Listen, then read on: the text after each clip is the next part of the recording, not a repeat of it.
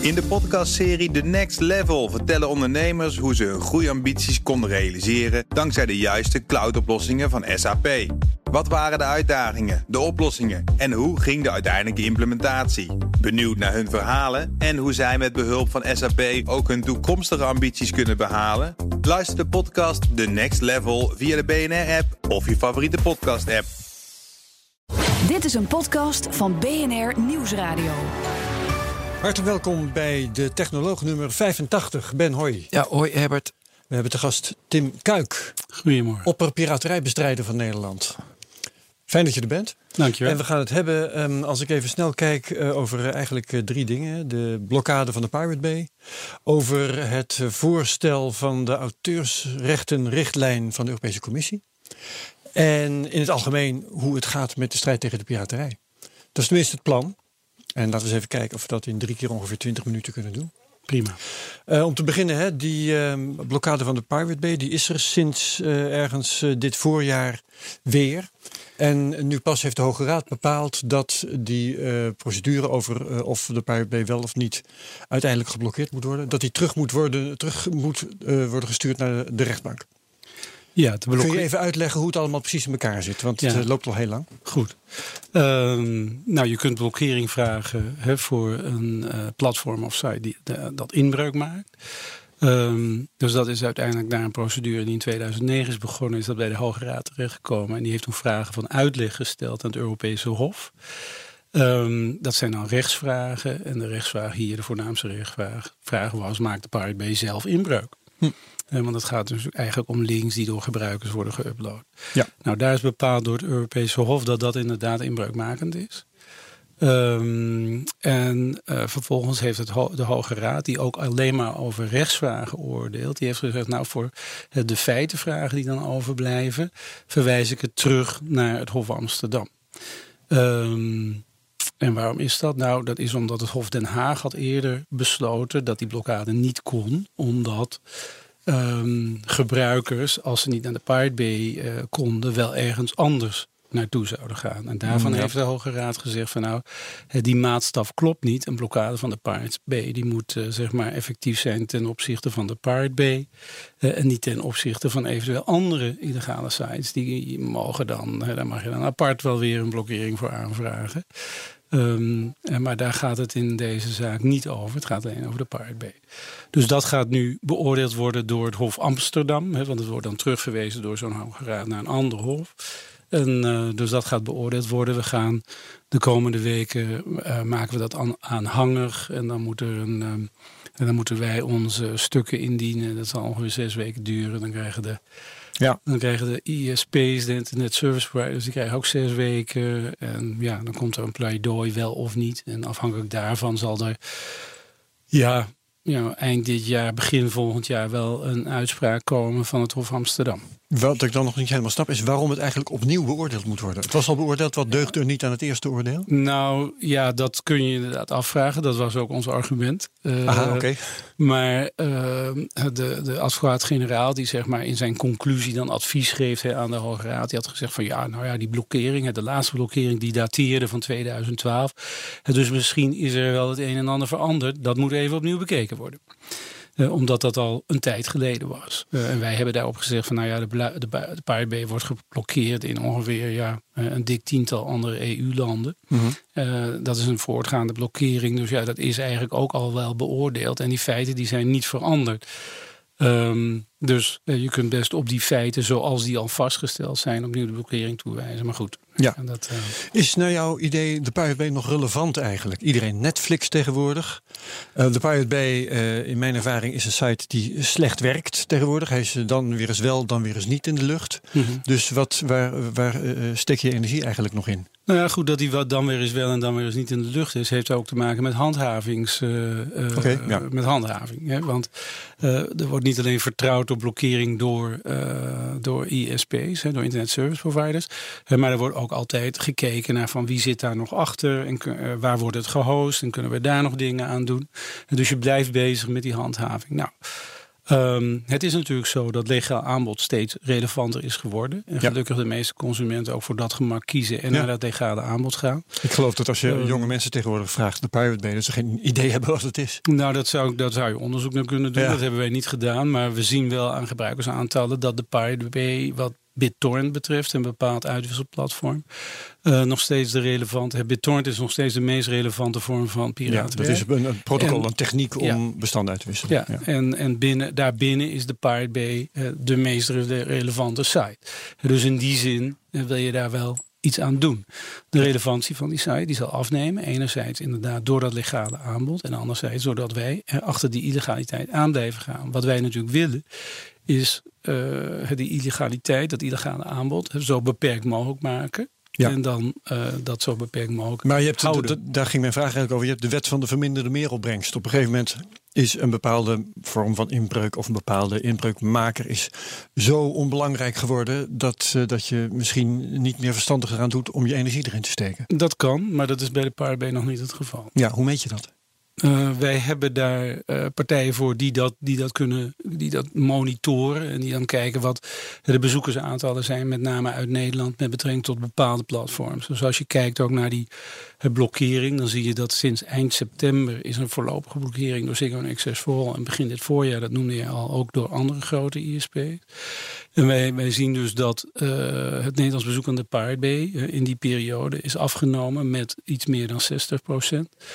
En aan BitTorrent in het algemeen met iets meer dan 25 procent. Ja, ja. Eh, maar, eh, maar weten we hoeveel het is? Heb je enig idee, Tim? Hoe Ehm, groot het is? Want ik heb namelijk inderdaad ook het idee dat het echt klein is. Hoeveel illegale kopieën er Ja. op deze manier ontstaan, bijvoorbeeld. Nou, het zijn nog per maand zijn het 11 miljoen unieke bezoekers. Dat is echt niet normaal hoeveel. Nee, dat is heel veel. Dat, ge- dat geloof ik. Bezoeken, hè? niet per personen, maar unieke bezoeken. Oh, unieke bezoeken. ja, Oh, unieke bezoeken. Oké.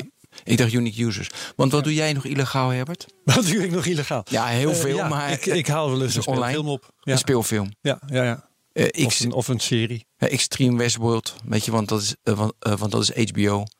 Ehm, dat is het enige wat ik. Maar, Maar, een ik- bekeuring, hè?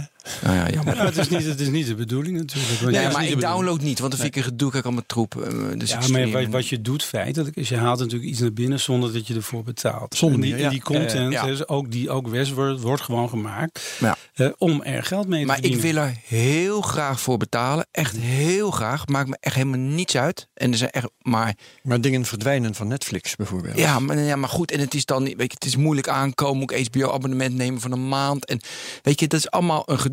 Dus. eh, ik vind het ook heel erg, het is het beschermen. Weet Je kan ook heel veel aandacht eh, stoppen in dat je ja, gewoon de gebruiksvriendelijkheid beter maakt. Waardoor, mm, ja, waardoor het makkelijk is. Wat de jeugd gaat wel Netflixen, want het is prima abonnementje hebben we. Ja, dat wordt natuurlijk ook gedaan, alleen daar is Tim niet voor. Nee, daar is Tim niet voor. Dat is zo. Ik heb er wel een mening over. Ja, wat is je mening daarover? Ben ik Nou ja, ik, vind, ik vind dat je. Eh, kijk, die HBO, die, je kunt dat op zich vrij eenvoudig krijgen als je Ziggo hebt natuurlijk. Heb ik niet. En dan, eh, ja, dan, dan is het ingewikkelder.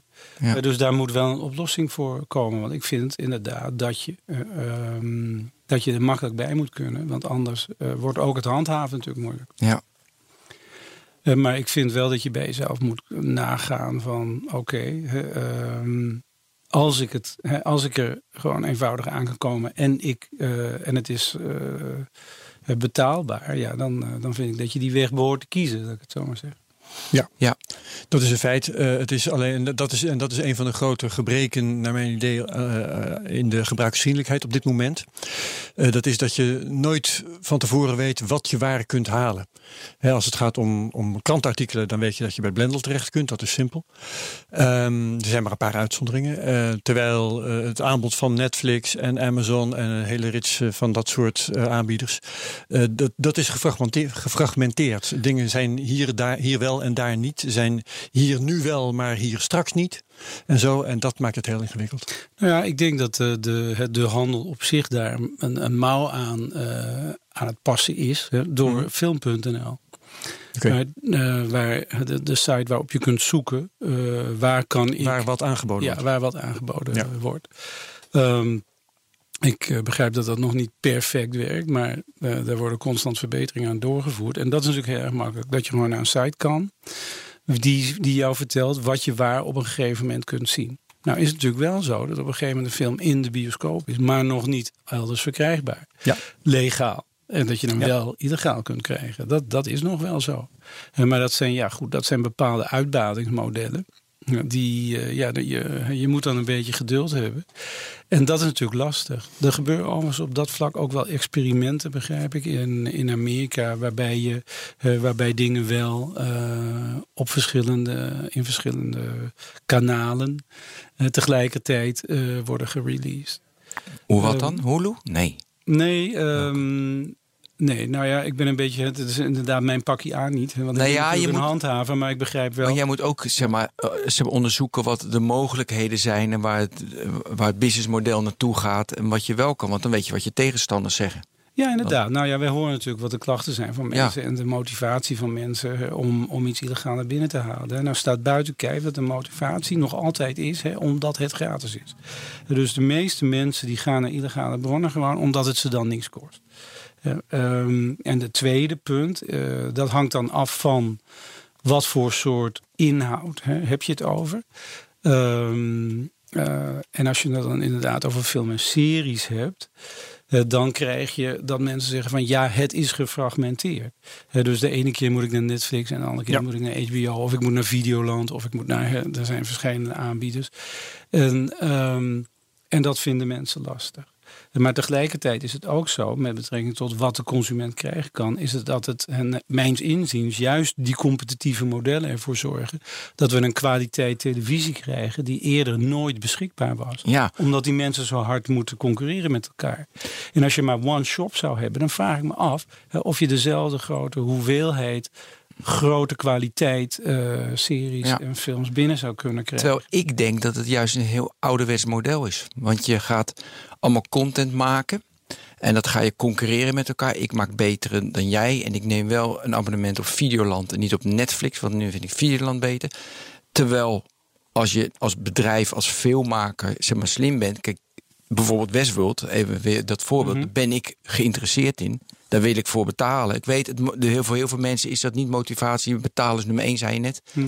Maar als het heel makkelijk is, hebben die mensen, net zoals Herbert, joh, dat betalen prima als het makkelijk is.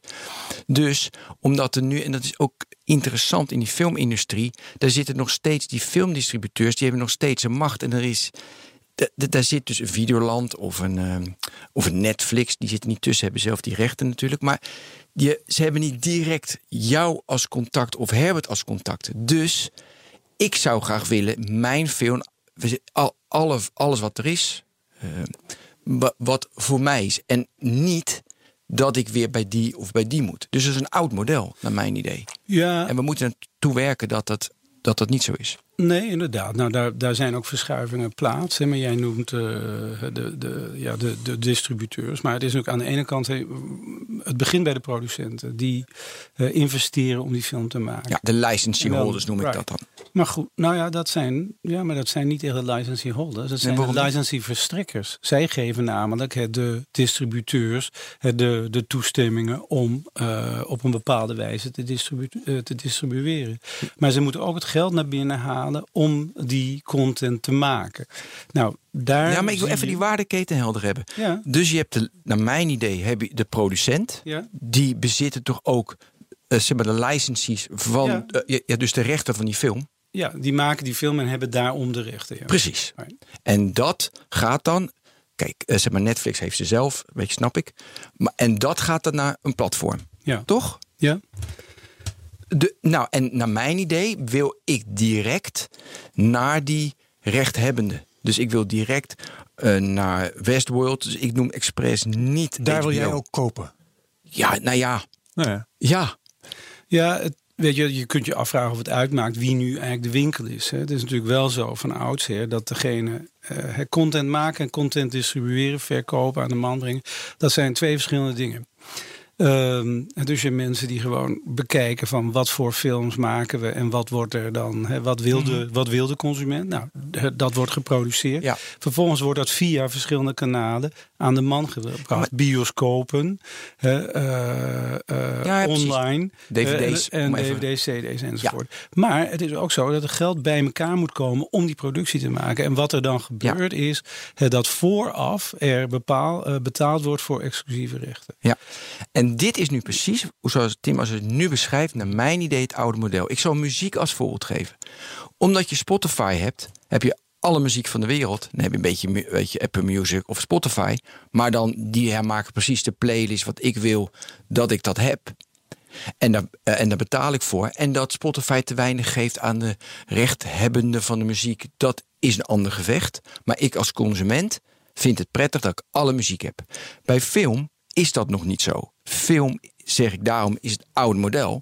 Ze maken een film, ze zijn rechthebbenden, ze gaan een distri- naar, naar, naar een distributeur en dan gaat het naar mij toe. Dus ik denk dat de filmindustrie, en het is knap dat ze het volhouden, maar dat is toch. Ja, dus de vraag is eigenlijk, hoe niet komt het duurzaam, nou dat er ja. nog geen Spotify is voor video? Nou ja, dat, dat, ja, hoe dat komt, dat moet je inderdaad natuurlijk niet aan mij vragen, maar Nee. aan de filmindustrie.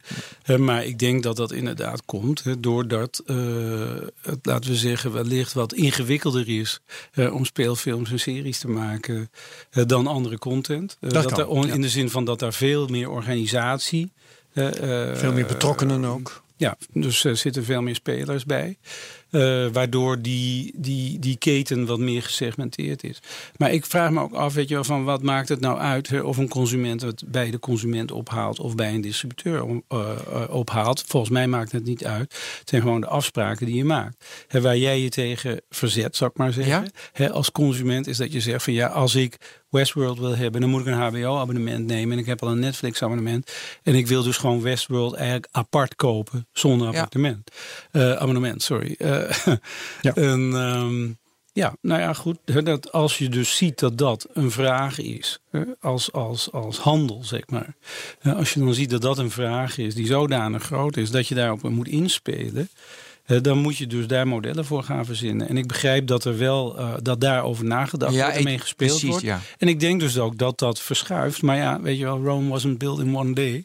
Nee. Uh, en dat is natuurlijk ook zo met uh, ja, distributiemodellen die toch wel hè, over decennia lang zijn opge, opgebouwd. Dus dat duurt een tijdje, weet je wel. Toen wij begonnen, ik weet nog heel goed dat ik uh, nou, aan het begin van deze eeuw bij, uh, bij producenten in Hollywood op bezoek was. En die, uh, dat wij vroegen van ja, wanneer komt het allemaal online? en dat daar ook gezegd werd van ja, weet je wel, de, de cannibalism of existing distribution model. Mhm. Mm -hmm. en wij zeiden, punt, ja. ja, en wij zeiden van ja, you know, that's not, um, you are already being eaten alive. Zo is het. dus je moet wel mee met die markt. en dat is, daar wordt over nagedacht. Um, dus ik denk dat dat ook een ontwikkeling is die we gaan zien. Ja. Een grote zorg die mensen daarbij hebben, is dat ze natuurlijk hoge kwaliteit content uh, uh, apart gaan verkopen en dan ook een hele goede source weggeven. Dus zij willen ook zien uh, dat er heel goed gehandhaafd kan worden als die content dan gebruikt wordt voor illegale verspreiding. Ja. Omdat zodra je natuurlijk een goede source weggeeft, kan het in dat illegale kanaal, heb je gewoon een kloon. En dan krijg, komt dat die voornaamste reden van ik, ik pak het weg als consument. Namelijk, ik hoef helemaal niks te betalen. Ja. Uh, in plaats van een klein beetje. Ja. Dat, die, dat, Hoe die, zit het dat, daarmee? Dat die, dat die weer naar boven komt. En daar komen wij natuurlijk Mm -hmm. uh, om de hoek kijken. Waar wij zeggen van nou, dit moet je kunnen doen. Je moet die... Ja, je moet die sites kunnen aanpakken en anders moet je naar de hosting providers. Als het lukt, niet lukt om zo'n Ja. site eraf te krijgen, zo'n platform. Als die zich niet Ja. houdt aan de regels, dan moet je naar de hosting provider kunnen. Ja. Als die hosting provider zich verschuilt, ehm, ja, of die site verschuilt, eh, zoals dat kan in het bui- buitenland eh, of door IP-tunneling, Mhm. dan moet je naar access providers kunnen. Dat je zegt van oké, blokkeer hè, voor jouw abonnees Ja. de toegang tot die site. Waar Dat we heb nu je dus- met jaren geleden al. ja, waar we nu dus mee bezig zijn. Ja. Maar dat is he- heel eenvoudig het model. Ja, eh, je hebt me jaren geleden al uitgelegd hè, dat je iets aan het opbouwen was. Websites moeten kunnen worden aangepakt als ze mp3'tjes zomaar aanbieden. Daar, daar begon het mee. Mhm. Hè, en toen kwamen de, de nieuwsgroepen en de, de peer-to-peer diensten en nou, de hele rit. Ehm, we hadden het net over. Mag ik, even, Ja. mag ik nog even naar DRM? Want je had het eigenlijk over digital rights Ook management. interessant, Ja. ja. daarom. Ik wil even weten, dat, is, eh, dat is toch vrij goed tegenwoordig? Ik bedoel, dat wordt geïmplementeerd. En, of heb jij daar, zit je daar niet in? Nou ja, wij hebben daar natuurlijk in die zin niet mee te maken. In, in, ehm, eh, dat wat, wat, wat wij zien is dat wat ook de DRM is, dat eh, eh, wij zien toch dat na verloop van enige tijd het toch altijd mogelijk is om. Ehm, DRM te doen te ja. breken. nou ja, of via een analog gap. Maar het is altijd Ja. mogelijk om eh, op een gegeven moment bepaalde werken, hè, content, inhoud, op het eh, internet te krijgen. En eh, we zien wel dat dat, dat, duurt wel heel tijd. Hè, met, als je naar bioscoopfilms kijkt, eh, ja, dan duurt het over het algemeen met betrekking tot eh, ehm, buitenlandse films. duurt het over het algemeen wel ongeveer een dag of zeventig hè, voordat er een goede kwaliteit illegale bron is op het internet. Ja, slechte En kwaliteit en met- dezelfde avond nog. Na vier dagen. Nou, voor ik- films. voor series wel, ja. Ja, Voor series is ongelooflijk. Ja, en goed, dan, de maar dan, DRM is dan voor kom je preventie. met eh, ondertiteling. Hè, ook, Ja, eh, precies. En zie je in doen. de bioscoop zien hoofd. Ja, ja, ja. Maar even even, de, maar het is dus niet jouw taak, want ik zou zeggen, nou, jij kan het voorkomen door gewoon DRM dat te stimuleren en dat mensen Nee, bewust maar van dat te is nou net. DRM is preventie en Tim is voor de handhaving. Nou, wij zeggen Ja. natuurlijk wel, je moet ook jezelf helpen hè, tegen onze eh, klanten, zou ik maar zeggen. Ja. Van oké, je moet ook een aantal zelfhulpmaatregelen treffen. En dat, dat is ook hè, goede eh, bescherming van je product. En daar, daar wordt inderdaad enorm veel op geïnvesteerd. Dus dat, eh, dat gebeurt wel. Maar ondanks die investering zie je dat mensen het toch voor elkaar krijgen. Ja, Ja, maar de Ja, vraag als is het, om- als het op een gegeven moment uitgezonden wordt, of het is in de bioscoop, hè, dan kan er een opname gemaakt worden en eh, die, die kan verspreid worden. Met bioscoop zie je dat, die, dat de kwaliteit daar dan nog te wensen overhaalt, hè, ten, overlaat, tenzij er in het proces op een gegeven moment de hand op een digitale kopie gelegd kan worden.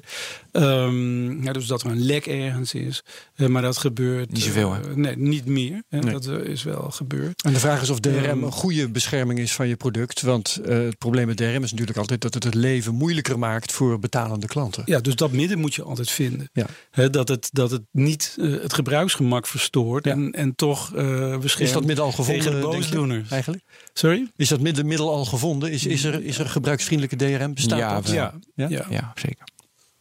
Ja, als je gewoon naar Videoland eh weet je, onder water gaat dan bijvoorbeeld, zie je wel, weet je, dus, dat- dus dat de licensing wordt opgehaald. En, maar dat is vrij goed. Ja, het is vrij goed. Het is ook wel kostbaar. Je, Die licenties van de DRM is gigantisch duur, ja. ja, en, en de mensen willen het allemaal eh, voor een klein beetje geld hebben. Weet je? wel. Dus ja, je, hè, aan de ene kant moet het goedkoop omdat je moet concurreren met gratis. Ja. Eh, en aan de andere kant moet je voor je bescherming moet je heel veel geld investeren voor die bescherming. Ook aan de kant van de DRM, waardoor je product weer duurder wordt. Dus ja, het is, je zit ook een beetje in een padstelling. eh, als, Ja. Als, eh, als iedereen het juiste zou doen, dan zou het op zich inderdaad ook gewoon goedkoper worden. Het Ja. is ook duur omdat er misbruik wordt gemaakt. We hadden het daarnet over, eh, kun je eh, meten hoe belangrijk de Pirate Bay nog is? Vraag waar ik ook mee zit is, kun je ook meten hoe effectief Tim Kuik is? Met Stichting Brein, die handhaving van jullie, wat levert dat eigenlijk op? Wordt dat op een of andere manier gemonitord? Nou ja, dat is, dat is op zich is natuurlijk heel moeilijk te meten. Ja. Ehm, als ik er wat afhaal, hoeveel meer Je eh, weet verkoop je dan legaal? wat er je, was dat, eh, gebeurd als jij je maatregelen niet had genomen? Nee, weet je, wij zien wel. eh, het is over het algemeen is het natuurlijk een fractie van wat je eh, neerhaalt aan eh, de zeg maar illegale omzet, omdat die verhouding ligt niet één op één. Ja. Eh, Als mensen iets doen omdat het gratis is, eh, zeg 100 mensen doen iets omdat het gratis is. Nou, dat, als je die bron afsnijdt, betekent niet dat je dan opeens 100 meer abonnementen of 100 meer producten verkoopt. Nee, precies. Eh, Ja. Dat, dat, dat, lijkt, dat blijkt op ongeveer, onderzoek heeft aangetoond dat dat ongeveer op 30% zit. Dus dat als jij voor elke 10 illegale consumpties die je kunt vermijden, win je drie legale consumpties, zou ik maar zeggen. Ja, En dat, en dat is ongeveer. dat is een verhouding die wel ongeveer de realiteit weergeeft, Ja. volgens jou. Ja, we hebben dat, bij, eh, we hebben dat gezien bij, eh, bij audio. En onderzoek toont aan dat dat op audiovisueel ongeveer hetzelfde is. En ik denk dat dat niet zo veel zal verschillen met betrekking tot andere vormen van eh, content, zoals eh, boeken enzovoort, tijdschriften, eh, artikelen enzovoort. Ja, ja, ja. En los daarvan, als eh, jullie onderzoek zei, geloof ik dat ehm, eh, na het blokkade van de Bay dat, dat daar- daar 60% minder bezoek komt. Uh, specifiek aan de Bay. Dus dat Ja. is eh, volgens mij voor de Bay is dat eh, op dit ogenblik uit mijn hoofd. Ehm, is het ongeveer nog 400.000 unieke bezoekers per Ja. maand. En, en En dus eh, die 11 miljoen, dat is, eh, dat is voor de hele BitTorrent. Als je aan de ene kant eh, heb je dus een bepaalde fractie meer abonnementen die je kunt verkopen door handhaving. Aan de andere kant heb je een bepaalde fractie minder piraterij waar je toe kunt komen. Dat is natuurlijk ook, kun je als beschouwen als winst. Hoe wordt dat gewaardeerd door de industrie? Eh, nou, ze zijn nog altijd bereid om eh brein te financieren. Eh, dus dat is alle rechthebbenden. Wij Ja. vertegenwoordigen niet alleen de industrie. wij vertegenwoordigen ook individuele rechthebbenden. Zitten daar dus trouwens tendensen in hoeveel geld er aan het brein wordt beschikbaar gesteld? Groeit dat, Ehm, krimpt dat? Wat gebeurt daarmee? Nee, wij, wij, wij proberen zo ongeveer op, met hangen en wurgen blijven wij zo ongeveer op hetzelfde budget zitten per jaar. Oh, dus dat toch wel. en Moet je voor grootste- knokken. Het is, dat is natuurlijk, ja, want het is natuurlijk, hè, omdat je ehm, natuurlijk niet direct een winstgevende onderneming bent. Het- moeilijk je bent alleen maar een kostenpost. Weet Ja. je? En op het Ja. moment dat eh, eh, omzetten teruglopen, eh, ook door illegaal gebruik, dan zou je zeggen van ja, dan moet je dus meer investeren in het bestrijden van de illegaal gebruik. Maar toch is het zo, als kostenposten teruglopen, dan gaat iedereen een kostenpost kijken. Ja. Eh, dus dan, eh, dan komt ook eh, zoiets als brein onder druk te staan. En als, het, als, dat, als die strijd is uitgevochten, dan is het vervolgens weer, weer je moet je wel zoveel veel mogelijk doen. Hè, voor, voor, Ja. maar, maar de bereidheid om daarin te ehm, investeren is, is ja, zou ik zeggen, toch onverminderd goed. Omdat Ja. men weet dat het werkt. Wij zijn ook wel als brein toonaangevend internationaal. En wij hebben op een gegeven moment een strategie bedacht. Je refereerde er eerder aan, eerder aan, die ook internationaal is overgenomen. Door eh, nationale organisaties die hetzelfde doen, maar ook door internationale organisaties. Veel mensen van Brein werken ook binnen. Ja. Ondertussen Een soort- zijn we een soort opleidingsschool Ja, ja, zijn we geworden voor eh, anti-piraten, zou ik maar zeggen. Dus dat, eh, dat, dat loopt ook goed. Ehm, ja, Ben, gaan we naar Europa? Ja. Of had jij hier nog dingen over? Nou ja, maar bij Europa komt ook eh, dus Creative Commons, daar wil ik heel graag over hebben. Dat Ja. vind ik interessant. Dat is het ook. En, Ja. Maar dat komt dan aan bod. Ja. Dus we kunnen, naar, kunnen naar Europa. Er hangt een nieuwe auteursrechtenrichtlijn boven de markt eh, vanuit de Europese Commissie. Ja. Met intussen spreekwoordelijke artikel 11 en artikel 13. Heel makkelijk te onthouden. Ehm, wat vind jij van die? En die is trouwens, om even de luisteraar te updaten. eh, het Europese parlement heeft geoordeeld dat hij niet zomaar naar de Europese Raad mag. Eh, maar daar moet echt over gedebatteerd gaan worden. En dat zal waarschijnlijk leiden tot aanpassingen. ja. Ehm, wat vind jij van die auteursrechtenrichtlijn zoals die er nou nog ligt? Ja, ik vind dat op zich een heel goed initiatief. Met een uploadfilter en een linktax, om maar even de sleutelwoorden te laten vallen hier. Ja, nou ja, ik denk dat dat op zich een, redelijk, eh, een redelijke oplossing eh, aanbiedt voor de problematiek die er is. Eh, wat we zien, enerzijds, is dat er zeg maar een aantal grootverdieners zijn op het internet. die gebruik maken van auteursrechtelijke beschermde content. Eh, waar het in dit verband om gaat, eh, eh, is met name auteursrechtelijk beschermde content die niet door die platforms zelf wordt geüpload, maar door gebruikers van die platforms. Ja, dus YouTube, Facebook, Ja. allemaal van dat soort clubs. Right, maar Twitter. De Pirate Bay eigenlijk ook wel. En bepaalde Ja. Usenet-platforms ook. Right? Nou, ehm, ja, dus er zijn verschillende technische protocollen die daar een rol in spelen. Maar die bieden feitelijk grote hoeveelheden auteursrechtelijk beschermde content aan. Maar waarvan zij kunnen zeggen, ja, dat is niet door ons geüpload, maar door gebruikers geüpload. Ja, kunnen wij niet Nou, helpen. kunnen wij niet helpen. Nou, eh, ten eerste, eh, dat, dat, dat laatste is onjuist, want ze kunnen het wel helpen. Daar moeten rechthebbenden dan ook bij helpen. Eh, en dat kun je doen door fingerprinting technologie. Ehm, in grove lijnen, zoals bijvoorbeeld YouTube die toepast. Ja. Dus dat, dat is beschikbaar. Maar dat gebeurt ook in samenwerking met die rechthebbenden. En die kunnen beslissen van op wat voor wijze, wat, wat voor beleid willen ze dan op geïdentificeerde content zetten. Willen ze dat toelaten? Eh, in hoeverre willen ze dat toelaten? Willen ze meedelen in inkomsten?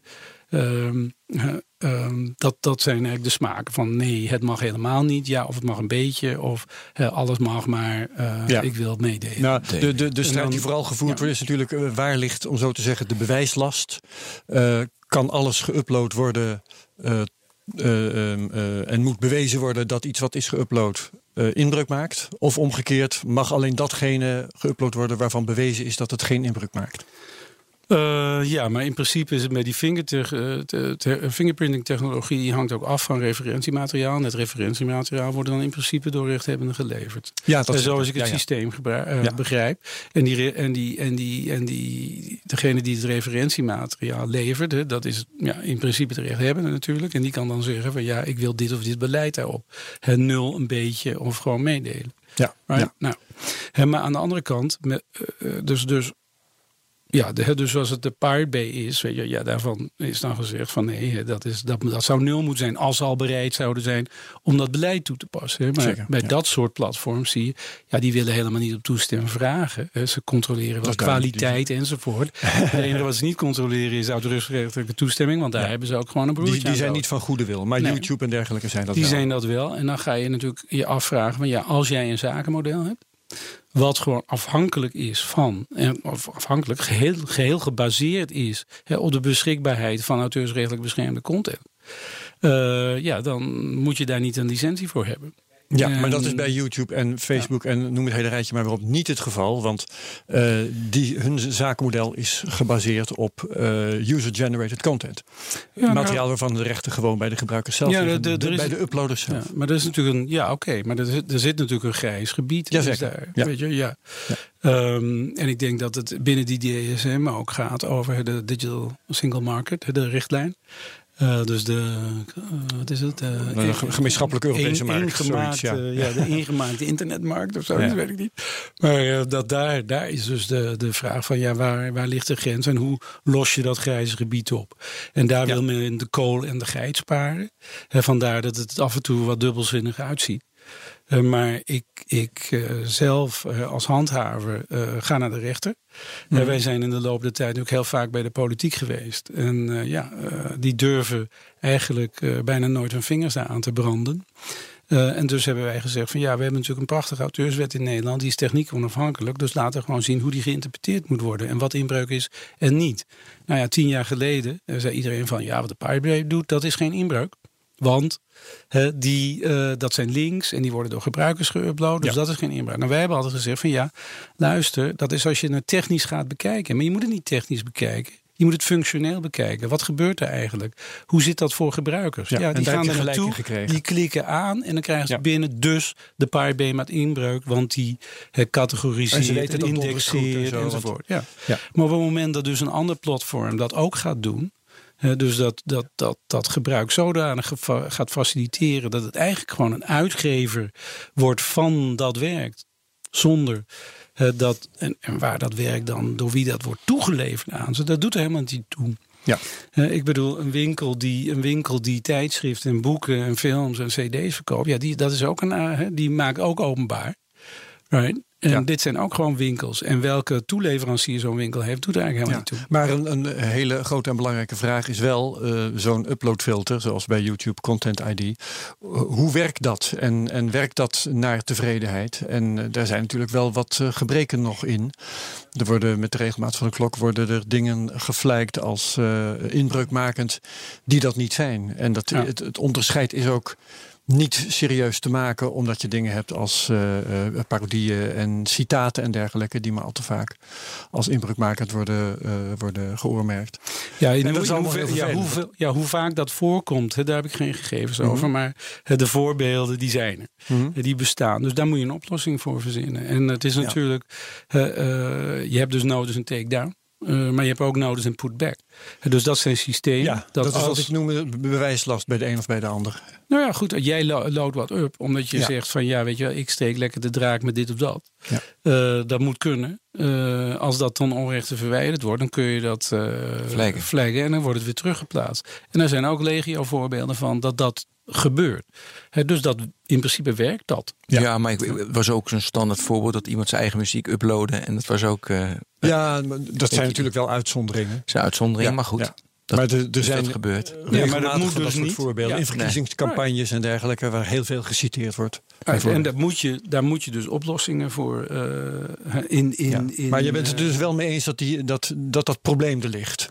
Ja, En- ja, ja. uiteraard. Ja. Je, moet het, eh, je moet overblokking moet je, moet je, moet je op een efficiënte manier eh, Ja, tegengaan. maar en, als- daar, en daar kun je, eh, daar kun je afspraken over Ja, maken. maar als dat middel nog niet goed genoeg werkt, moet je dan wel wetgeving maken waarin wordt aangenomen dat het middel goed werkt. Ik denk dat het weer middel op zich goed genoeg werkt. Het wordt al jaren toegepast op YouTube. Mhm. Eh, eh, ja, er zijn voorbeelden waar iets ten onrechte verwijderd wordt. En eh, er zijn bijna evenveel voorbeelden dat dat dan ook weer opgelost wordt doordat het teruggeplaatst wordt. Ehm, dus ja, ik denk dat het wel werkt. Kan het beter? Ja, altijd kan alles beter. Maar ik denk niet dat het een goede zaak is om eh, niets te doen tegen de enorme hoeveelheid inbreuk die plaatsvindt. Ehm, eh, waar mensen gewoon hun geld mee verdienen. Eh, Ja. eh, en waar de makers eh, en hun rechtsverkrijgenden gewoon met lege handen achterblijven. En heb jij gedachten over hoe je dat probleem oplost van mensen die, waarvan dus het, of mensen of, of, of, of bedrijven, waarvan de publicaties eerst worden, worden weggehaald en daarna terug, teruggezet, terwijl ze grote verdiensten missen in de periode dat hun content niet online heeft gestaan. Dat is natuurlijk ook een, een zakenmodel dat wordt verstoord, in dit geval door de handhaving. Ja, op het moment dat dat plaats zou vinden, dan zou je natuurlijk een stuk aansprakelijkheid eh, zou er gecreëerd zijn. Ehm, Voor Het- onterecht verwijderen. dat lijkt me wel. Je Ja, moet ja. natuurlijk goed, als je, je kunt niet zomaar wat roepen. Dus je moet goed Ja. nakijken. Wij doen ook verwijdering van zoekresultaten van een paar miljoen per jaar.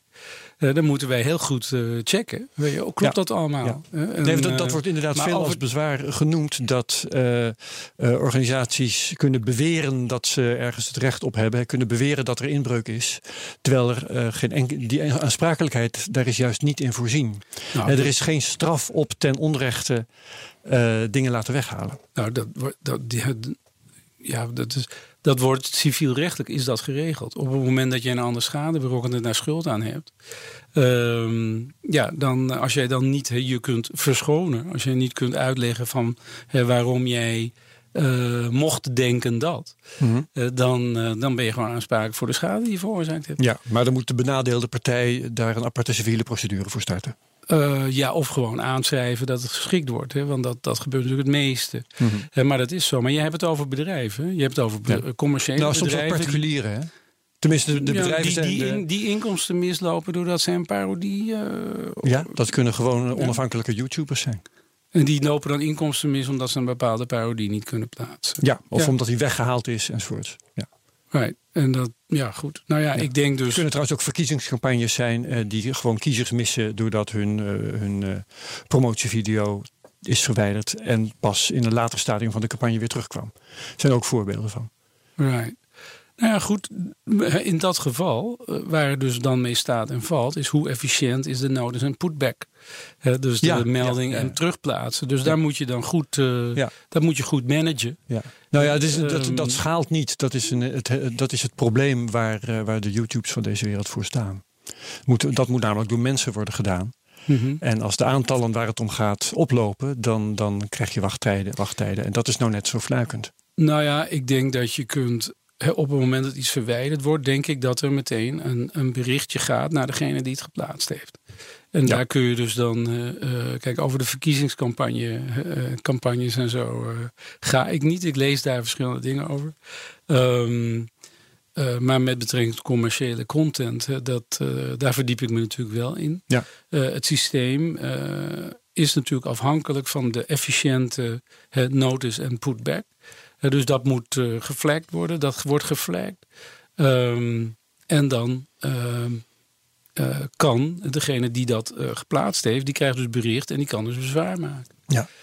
En dat, dat, moet, dat moet snel werken. Maar ik denk dus, ja, jij, jij zegt ja, dat is werk, mensenwerk. Maar oké, als je natuurlijk een individuele YouTuber hebt die iets geplaatst heeft, wordt afgehaald. Hij krijgt een beri- berichtje, dan kan hij wel heel snel kan hij bezwaar maken. Ja. Het wordt alleen maar, ja, als, je, als je het over scalability hebt, dan gaat het dus, dan zou het dus over eh, ehm, organisaties gaan, bedrijven gaan, die dus heel veel content plaatsen. Zoveel dat ze zelf nauwelijks meer kunnen bijhouden wat ze geplaatst hebben. Ja. En ja, dan moet je daar inderdaad een al- algoritme op zetten. Weet je wel. Maar oké, maar dat kan. Ja, ja, ja. Oké, Ben, je het over Creative Commons hebben. in Ja, dat vind ik interessant. Ja, ik, voor mij hebben we in de podcast zo eerder eh, eh, eh, een keer genoemd. Ik heb een keer die Lawrence Lessig, heb ik een keer een lezing van gezien. En ik vond zijn verhaal heel erg mooi. Dat hij vertelde in de 19e eeuw zaten mensen op een, dus zaten ze rond een kampvuur. Dan maakten ze muziek met elkaar samen. Vertel de verhalen. vertelde verhalen. en in de 20e eeuw zijn de grote studio's, de grote bedrijven, eh, die, die, die, die, die bepalen wat wij allemaal zien. En in de 21e eeuw werd- werd volgens hem de eeuw van dat het individu kon weer hele mooie content maken. En ik vond dat, ja, dacht ik, ja, dat is een mooi verhaal. Dan gaan we weer samen, zeg maar, content. En als ik dit, weet je, als ik, nou, dan heeft hij Creative Commons gemaakt, dus dat er bepaalde licenties die zijn dan voor iedereen, die, die kan je dan delen. Maar zijn verhaal over, en dus ook in dit hele verhaal, dit eh, is heel erg. Ik vind het zo'n 20e eeuwse discussie. En ik, ik, en ik weet ook niet hoe de 21e eeuw discussie zou moeten zijn, want dat weet ik natuurlijk ook niet, maar daar probeer ik hier met elkaar uit te komen. In meer inzichten daarin te krijgen. Ehm, dus daar wil ik graag naartoe. Weet je, het heeft ook heel veel gebracht. Weet je, dat er een parodie van eh, komt onder content. Dus ik ben heel, Tim, heel erg benieuwd hoe jij daar naar kijkt. Naar Creative Commons, naar met elkaar wel een parodie. Zeg maar, uploaden. En ook naar de businessmodellen van de 21ste eeuw. Ja, ja. Want je zit in, naar mijn idee in de oude wereld heel erg. Handhaven. Ja, nou, ehm, nee, dat denk ik niet. Gelukkig dat je dat niet denkt. Nee, nee, want ik denk dat wij wat wij doen juist is ervoor zorgen dat eh, eh, ook de zwakkere partijen eh, eh, geconfronteerd worden met een level playing field.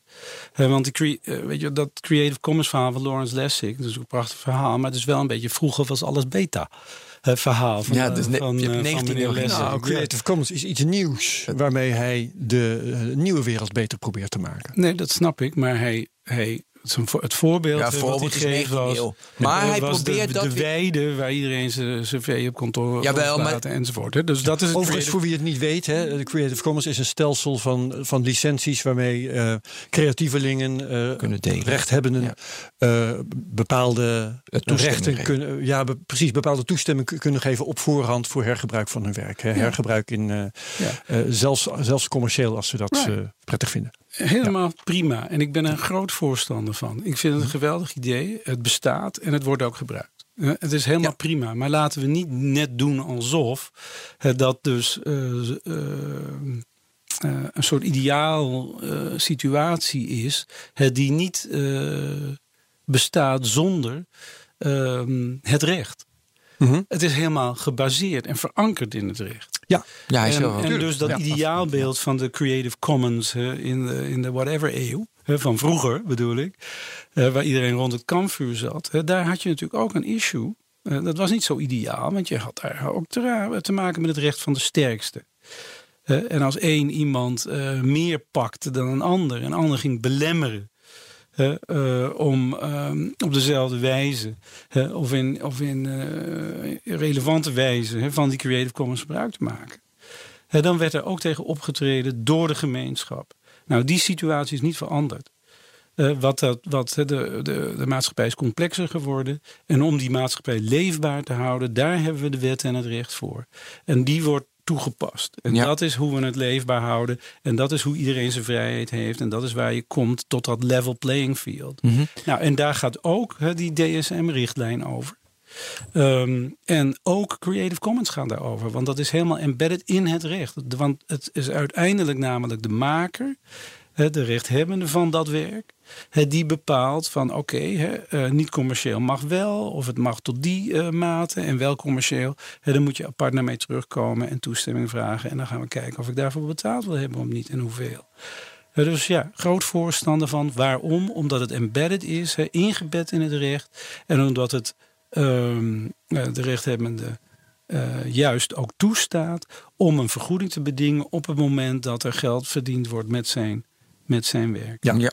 Eh, jij vertelde net dat je, ehm, dat je ook de kleine rechthebbenden wil beschermen.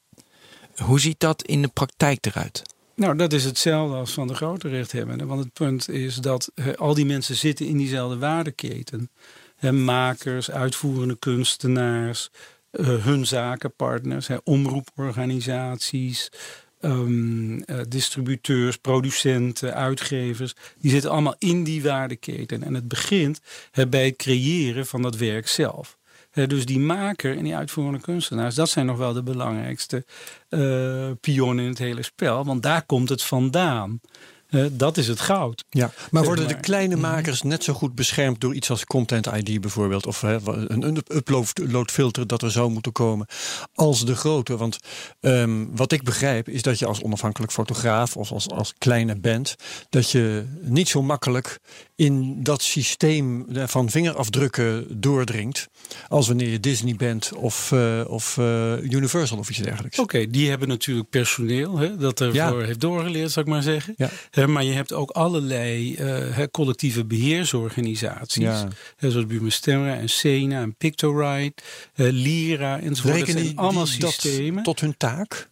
Uh, als dat niet zo is, dan zou dat zo moeten zijn. Ja. maar ik bedoel. Gaat Tim Kuik nou campagne voor voeren? Nou ja, goed. Ik bedoel, ik neem aan dat zij daar uh, inderdaad druk mee bezig zijn. Ja. En zij kijken natuurlijk ook naar blockchain-technologieën om te kijken ja, in hoeverre ze die kunnen gebruiken hè, om uh, dat hele toestemmingssysteem te streamlinen. Hè, maar dat, ik denk dat deze, dat deze uh, partijen een rol kunnen spelen, zeker voor de, de, de, de kleinere rechthebbenden. Het is natuurlijk zo dat jij het recht hebt als kleine, als kleine maker, zeg maar, om uh, je dingen allemaal zelf te doen.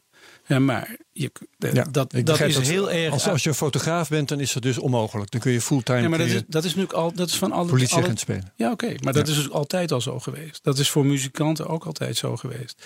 Ja. Als in Café X, uh, hier om de hoek, uh, of bij Dauphine, hier beneden, uh, jouw muziek wordt gespeeld. Ja, dan, kun je achter, dan mag je zelf achteraan gaan. Nee, maar, je, maar dat werkt niet. Als, dus dat als... moet je gewoon collectief doen. Ja, ja, dus zeker. op het moment dat dat. Dus die partijen moet je dan zoeken. Daarom zijn er ook op een gegeven moment zakenpartijen die dat wel voor jou kunnen regelen enzovoort.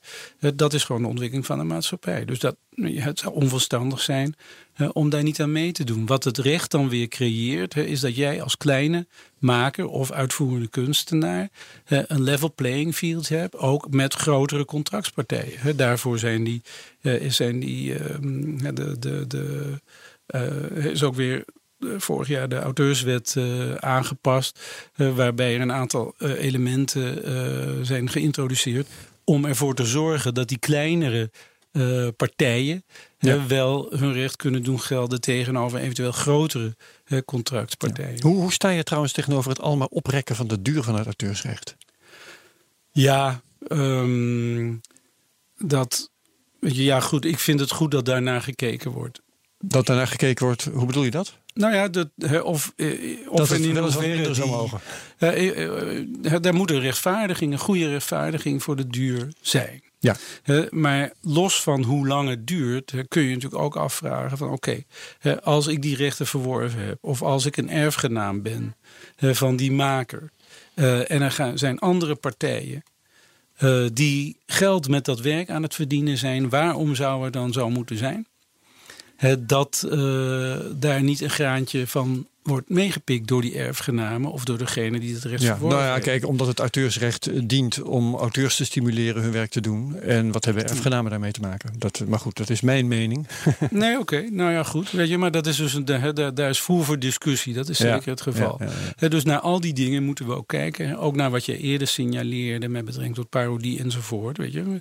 Het, het, er zit een grens aan het auteursrecht. En je moet natuurlijk zien in hoeverre je die uh, en hoe met name je die kunt uh, uh, verankeren Eerlijk, ja. binnen, binnen dat nieuwe digitale systeem waarmee Precies, we te maken ja, ja, hebben. Ja, Nou, plus de toegang. Wat ik ook heel erg heb, dus de toegang tot heel veel content uh, maakt de mensheid ook wijzer. Dus dankzij Wikipedia zijn we een stuk wijzer geworden. Je zoekt alles even Dat mag je op. wel zeggen. Ja, dus, oké, maar ik bedoel, die heeft nog wel het minste te vrezen van al deze ontwikkelingen. Nee, weet ik. Maar ik noem even van, het zijn natuurlijk ook ja. betaalde artikelen of, beta of films. Weet je, het is ook wel fijn dat delen met elkaar, want mm. daardoor worden we wijzer. Wat ik begrijp trouwens is dat Wikipedia een hoop vreest van deze ontwikkelingen. Ja, ja maar Omdat dat, er, uh, er is angst dat uh, kwaadwillende partijen ehm, inhoud uit Wikipedia claimen en dan uh, op die manier, nou goed, dat, dat is een mechanisme waarvan ik niet weet of het zich echt gaat voordoen. Maar dat wordt wel door tegenstanders van zo'n Europese richtlijn beweert.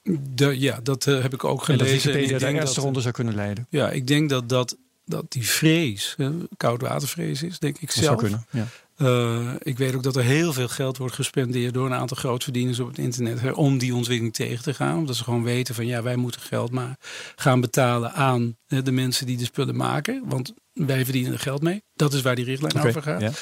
Hè, dus die hebben gewoon een commercieel belang. Eh, ja, ook om, om, laten we zeggen, dingen ook aan te dikken. Maar dan moeten, we moeten dan bekijken in hoeverre die vrees gegrond is. En mocht dat zo zijn dat eh, wij als maatschappij daar eh, een risico gaan lopen, dan moet er een mouw aangepast worden. Ja. Ben, zullen we nog even over, hebben over de linktax? Ja, prima. De linktax. Ehm rotwoord natuurlijk, ik zie je meteen al lachen. Duitsland. Ehm, maar het idee is dat er eh, betaald zou moeten worden voor het linken naar, naar eh, eh, andermans content. Alleen er zijn allerlei uitzonderingen. Kun jij goed uitleggen wat die linktax wel en niet mogelijk zou maken? Ja, ik denk dat jij moet uitleggen, want ik heb die term niet verloren. Ik zou er verzonnen. Nou, Dus ik, zou zeggen van link justice. Link justice. Jazeker. Maar ehm, ik begrijp wel dat eh, het linken zoals we dat eigenlijk altijd al kenden, dat eh, dat daar niet onder zou leiden. Maar dat het meer te maken heeft met linken met een korte samenvatting erbij. Het soort van linken dat een mens zou kunnen afhouden van het doorklikken. Heb ik daar gelijk in of niet? Ja, nee, ik ben eigenlijk overvraagd hier. Want ik bedoel, ik, ik heb nu echt het eh, woord linktax. Die dat hoor ik nu vandaar voor het eerst. Serieus? Ja, serieus. Oh, Dus maar- daar heb ik me, niet- Dat, daar heb ik dat me niet mee bezig gehouden. Nee, maar het was toch die, ook die case bij Google in Duitsland, eh, dat, die heeft er toch mee te Da- maken. In Duitsland en Spanje heeft, Ja, eh, eh, die hebben iets als een linktax een tijd lang Ja, mogelijk gemaakt. Maar dat was geen Vervolgens succes. heeft Google gezegd van oké, dan schrappen we Google News voor die taalgebieden. Ja. Mhm. Taalgebieden, hè? dan heb je met Spaans heb je echt een goed deel van de wereld te pakken. Ja. Waarna de uitgevers met hangende pootjes zijn Terug- teruggekomen. ja. Dus dat is een ingewikkeld Ja, verhaal. Maar is Ehm, ook hoe maar de vraag is bovendien, hè, eh, dat kon Google doen omdat Google News elders wel gewoon bleef bestaan. Ja. Wanneer zo'n linktax, blijf ik het maar even noemen, het is in Mhm. het bek lekker. Ehm, wanneer die wereldwijd zou bestaan voor alle soortgelijke diensten, bla bla bla, bla, dan kan Google veel moeilijker de stekker eruit trekken. Dus het is heel erg de vraag of het dan nog steeds nadelig zou werken voor uitgevers. Of Google dan nog steeds uitgevers die doorklikmogelijkheden zou kunnen onthouden. Want Google wil natuurlijk wel gewoon dat iets als Google News blijft bestaan. Dus wellicht zouden ze dan eieren voor hun geld kiezen. Dat is mijn weergave van de hele affaire tot nu toe. Ja, maar ik heb het ook heel erg van. eh, Stel je voor dat. eh, joh, dan heeft Google toch geen Google News. Dus toch ook een bijproduct. Dus dat is één vraag die ik me stel. Ja, maar voor Google is het een heel eenvoudige commerciële beslissing. Ik weet niet hoe die zou uitvallen, maar die gaan gewoon uitrekenen dan. Ja, eh, uiteraard. Als wij een linktax moeten betalen, hè, hoeveel bedraagt Ja. die, wat kost ons dat, wat levert het op? En dan, dan besluiten ze of ze wel of niet Google News laten bestaan. ja, Oké, maar dat hangt dan, dat is gewoon een, een, een vraag- en aanbod eh, eh, kwestie dan. En dus op het Ja. moment dat zij dat uitrekenen, weten ze ook wat ze eraan kunnen besteden. En dat geldt Als voor ze daar News. transparant in zijn, hè, dan kun je ook afspreken wat de vergoeding zou moeten zijn aan degene die Ja. dus die content gecreëerd Maar dit is een hebben voorbeeld. waarmee, ze, waarmee zij geld verdienen. Maar Toen jij linktax zei, dacht ik eerder aan eh, eh, platforms die echt op grote schaal links naar bepaalde content aanbieden, zoals bijvoorbeeld de Pirate Bay. Eh, ik vind Oh. dat zo'n Pirate Bay, of dat soort platforms, dat die, en daarom zei ik link justice, want die, ja, het is wel een link, Ja, ja, ja. is nog zelfs door een ander geüpload en niet door de Pirate Bay zelf.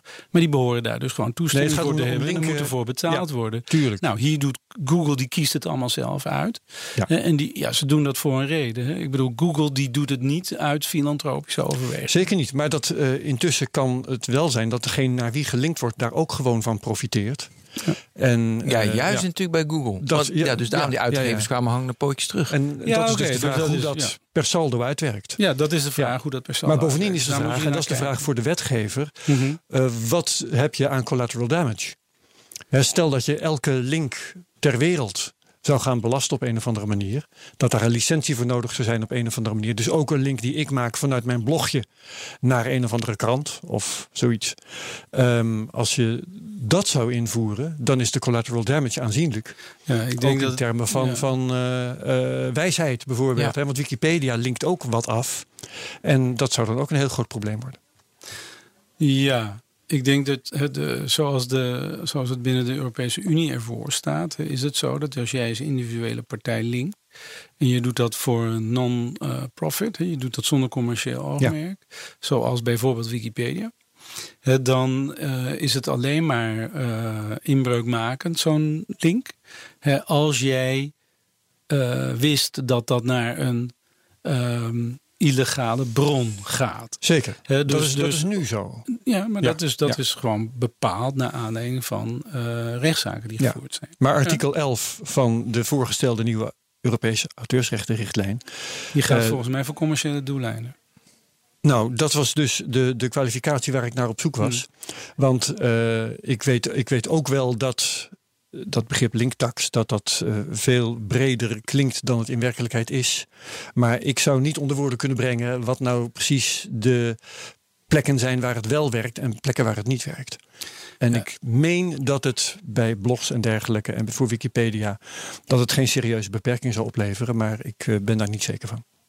Nee, goed. Nou, ja, ik, omdat ik mij in het onderwerp niet zozeer verdiept heb, is natuurlijk alles wat ik hierover gezegd heb hè, op persoonlijke titel. Ik heb geen idee ja. hè, wat, wat eh, de partijen die ook aangesloten zijn bij Stichting Brein hè, nou precies voor, eh, voor eh, mening daarover hebben. Ehm, eh, ik denk dat er. eh, je hebt. Grosso modo heb je natuurlijk. Er wordt gelinkt voor commerciële doeleinden. Dan wordt er geld verdiend. En dan kun je gewoon afspreken over van hè, wie deelt mee. En eh, Ja. daar kun je afspraken over Je kunt ook afspreken dat je het met gesloten beurzen doet, omdat beide partijen profiteren. Nou ja, dat, Dat, is allemaal. zo. Ja, dat. Natuurlijk is dat zo. Maar dat hangt gewoon af van het eh, businessmodel. Maar op het Precies. moment dat je natuurlijk gewoon. dat het in principe zo is dat jij eh, toestemming moet hebben. Eh, dat betekent dat er afspraken kunnen gemaakt worden over onder wat voor ons- voorwaarden die toestemming gegeven wordt. En die kan ook om niet gegeven worden. Ja. dus Ja. Ik bedoel, wij hebben als brein ook altijd gezegd van procedure wij maken afspraak moet maken. ja, maar goed, Ja. weet je, dat is net binnen de handhaving ook. Op, hè, waar, eh, binnen de handhaving ook. En we hebben ook mensen ge- gehad die zeiden van ja, maar ik wil het gratis weggeven. Hè, dus ik hou niet van. Ja, maar wij zijn helemaal niet tegen gratis.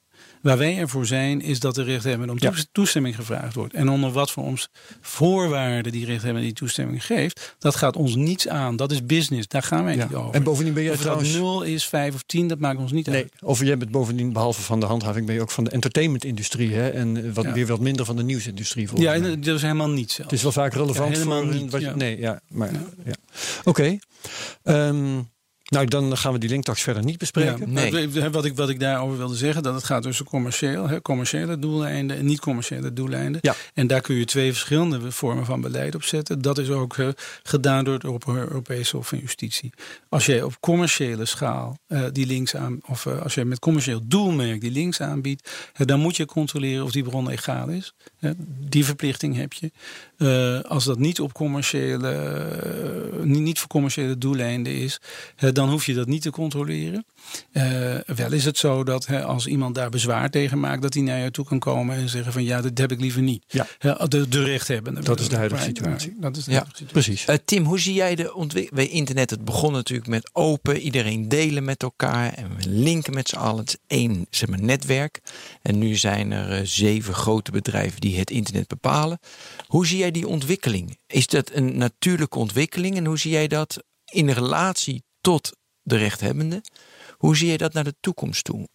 Ja, goed, weet je, wat we natuurlijk gezien hebben met het internet, is dat het eh, eh, heel moeilijk is eigenlijk om te concurreren. Degene die het eerst komt, hè, die pakt eigenlijk eh, de buit.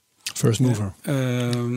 Je ziet ook bijvoorbeeld, ja, weet je, de dingen op het internet die worden over het algemeen bepaald door advertentieinkomsten. Eh, nou, de overgrote. Als dat kijkt, verschuift nu, hè? Dat verschuift nu wel. De kranten vragen steeds vaker gewoon geld, bijvoorbeeld. En, eh, right, nee, dus Ja, dus ja, de is industrie heel- zeker. Ja. Ja, ja oké, Ja. dat is zo. Hè, Maar als je kijkt naar. eh, Veel Jij ging over alles. Ja, oké, Ja, dat is zo. Er zijn betaalde modellen.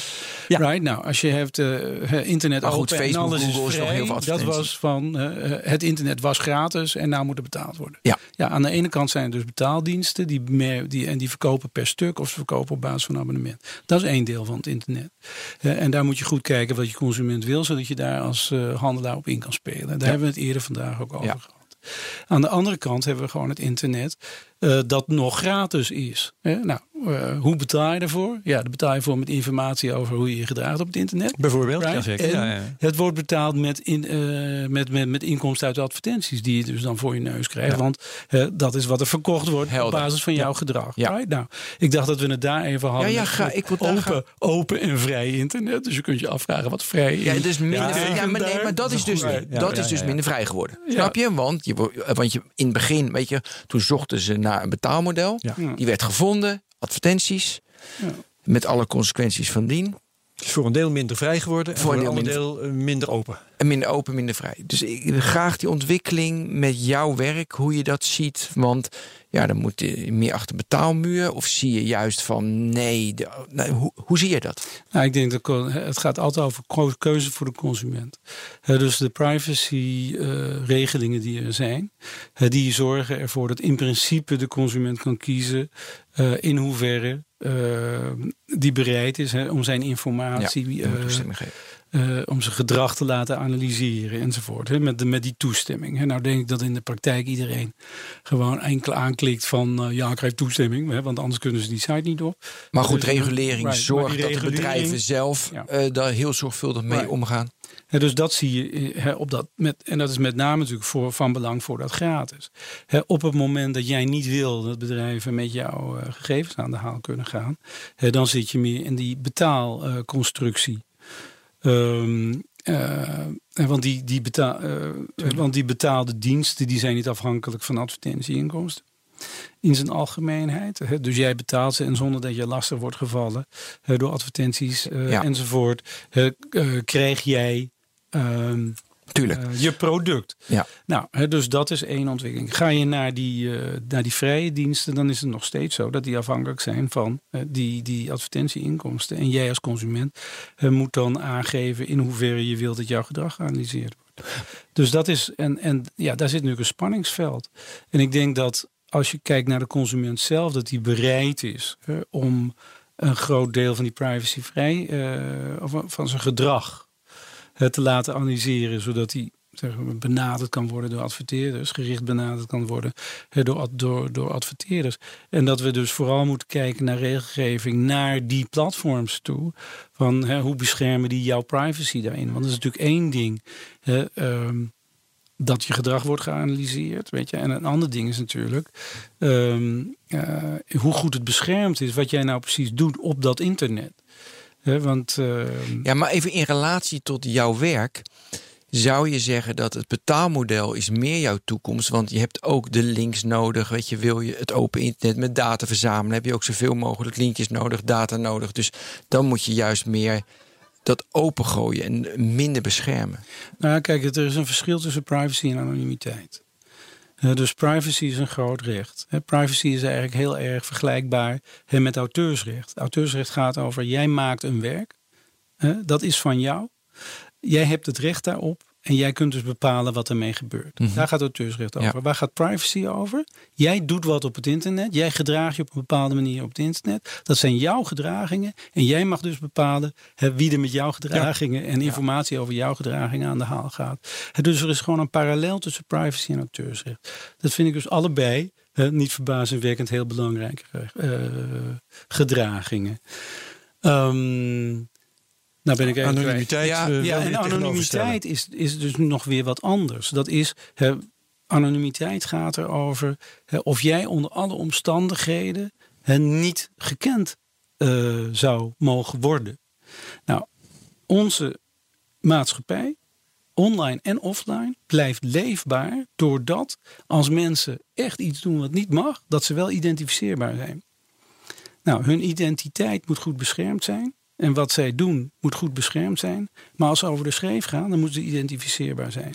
Daar gaat anonimiteit over. Ik zeg dus ja, er is een recht op privacy, maar een recht op anonimiteit. Hè, ja. Voor zover dat privacy betreft helemaal prima. Maar niet als je hè, over de schreef gaat. Want dan hè, moet jij gewoon aansprakelijk kunnen worden gehouden voor jouw gedragingen. Want dat houdt de informatie leefbaar. En dat zorgt ervoor dat jij anderen hun, hun vrijheid niet beperkt? Ja. Dat is een heel essentiële vraag. Ja, zolang je trouwens een existentiële vraag. in voorkomende gevallen weer wel anoniem kunt blijven. Want er zijn natuurlijk momenten waar dat heel noodzakelijk is. Ja, voor klokkenluiders, eh, eh, eh, voor bepaalde politieke activiteiten. Ja. Dat kun je wel verzinnen. Ja, en binnen, maar binnen die rechtspraak zie je dat ook, dat dat beschermd wordt. Ja. Ook toen de Hoge In Nederland, tenminste. Ja. Ja, oké. We gaan uit van een rechtsstaat. Ja. Maar het is dus niet zo dat omdat er dictaturen zijn en omdat er eh, maatschappijen zijn waarin het individu niet voldoende wordt beschermd, dat we dus ook maar alles moeten opgeven hier in Nederland. Want wij hebben wel een rechtsstaat. En gelukkig, over hele grote delen van de wereld hebben we rechtsstaten. Dus we gaan uit. En naar wat, een, eh, wat we proberen te creëren is een ideale situatie. En dat kunnen we alleen maar doen door middel van het recht. Want er zijn altijd sterkere en zwakkere partijen. En als we dat binnen het recht dat level playing field niet creëren, ja, dan regeren de wolven. Juist, dat zijn prachtige Dat woorden. zijn, slot, dat zijn mooie slotwoorden, ja. Want de tijd is om. Ben nog wat? Nee, dankjewel. Oké, Tim nog wat? Nee, dank je. Allebei heel hartelijk bedankt. Ben van den Burg, Tim Kuik, ook, directeur Herbert. van Stichting Brein. Mijn naam is Herbert Blankenstein. Heel graag tot de volgende technoloog. Bedankt. Dag.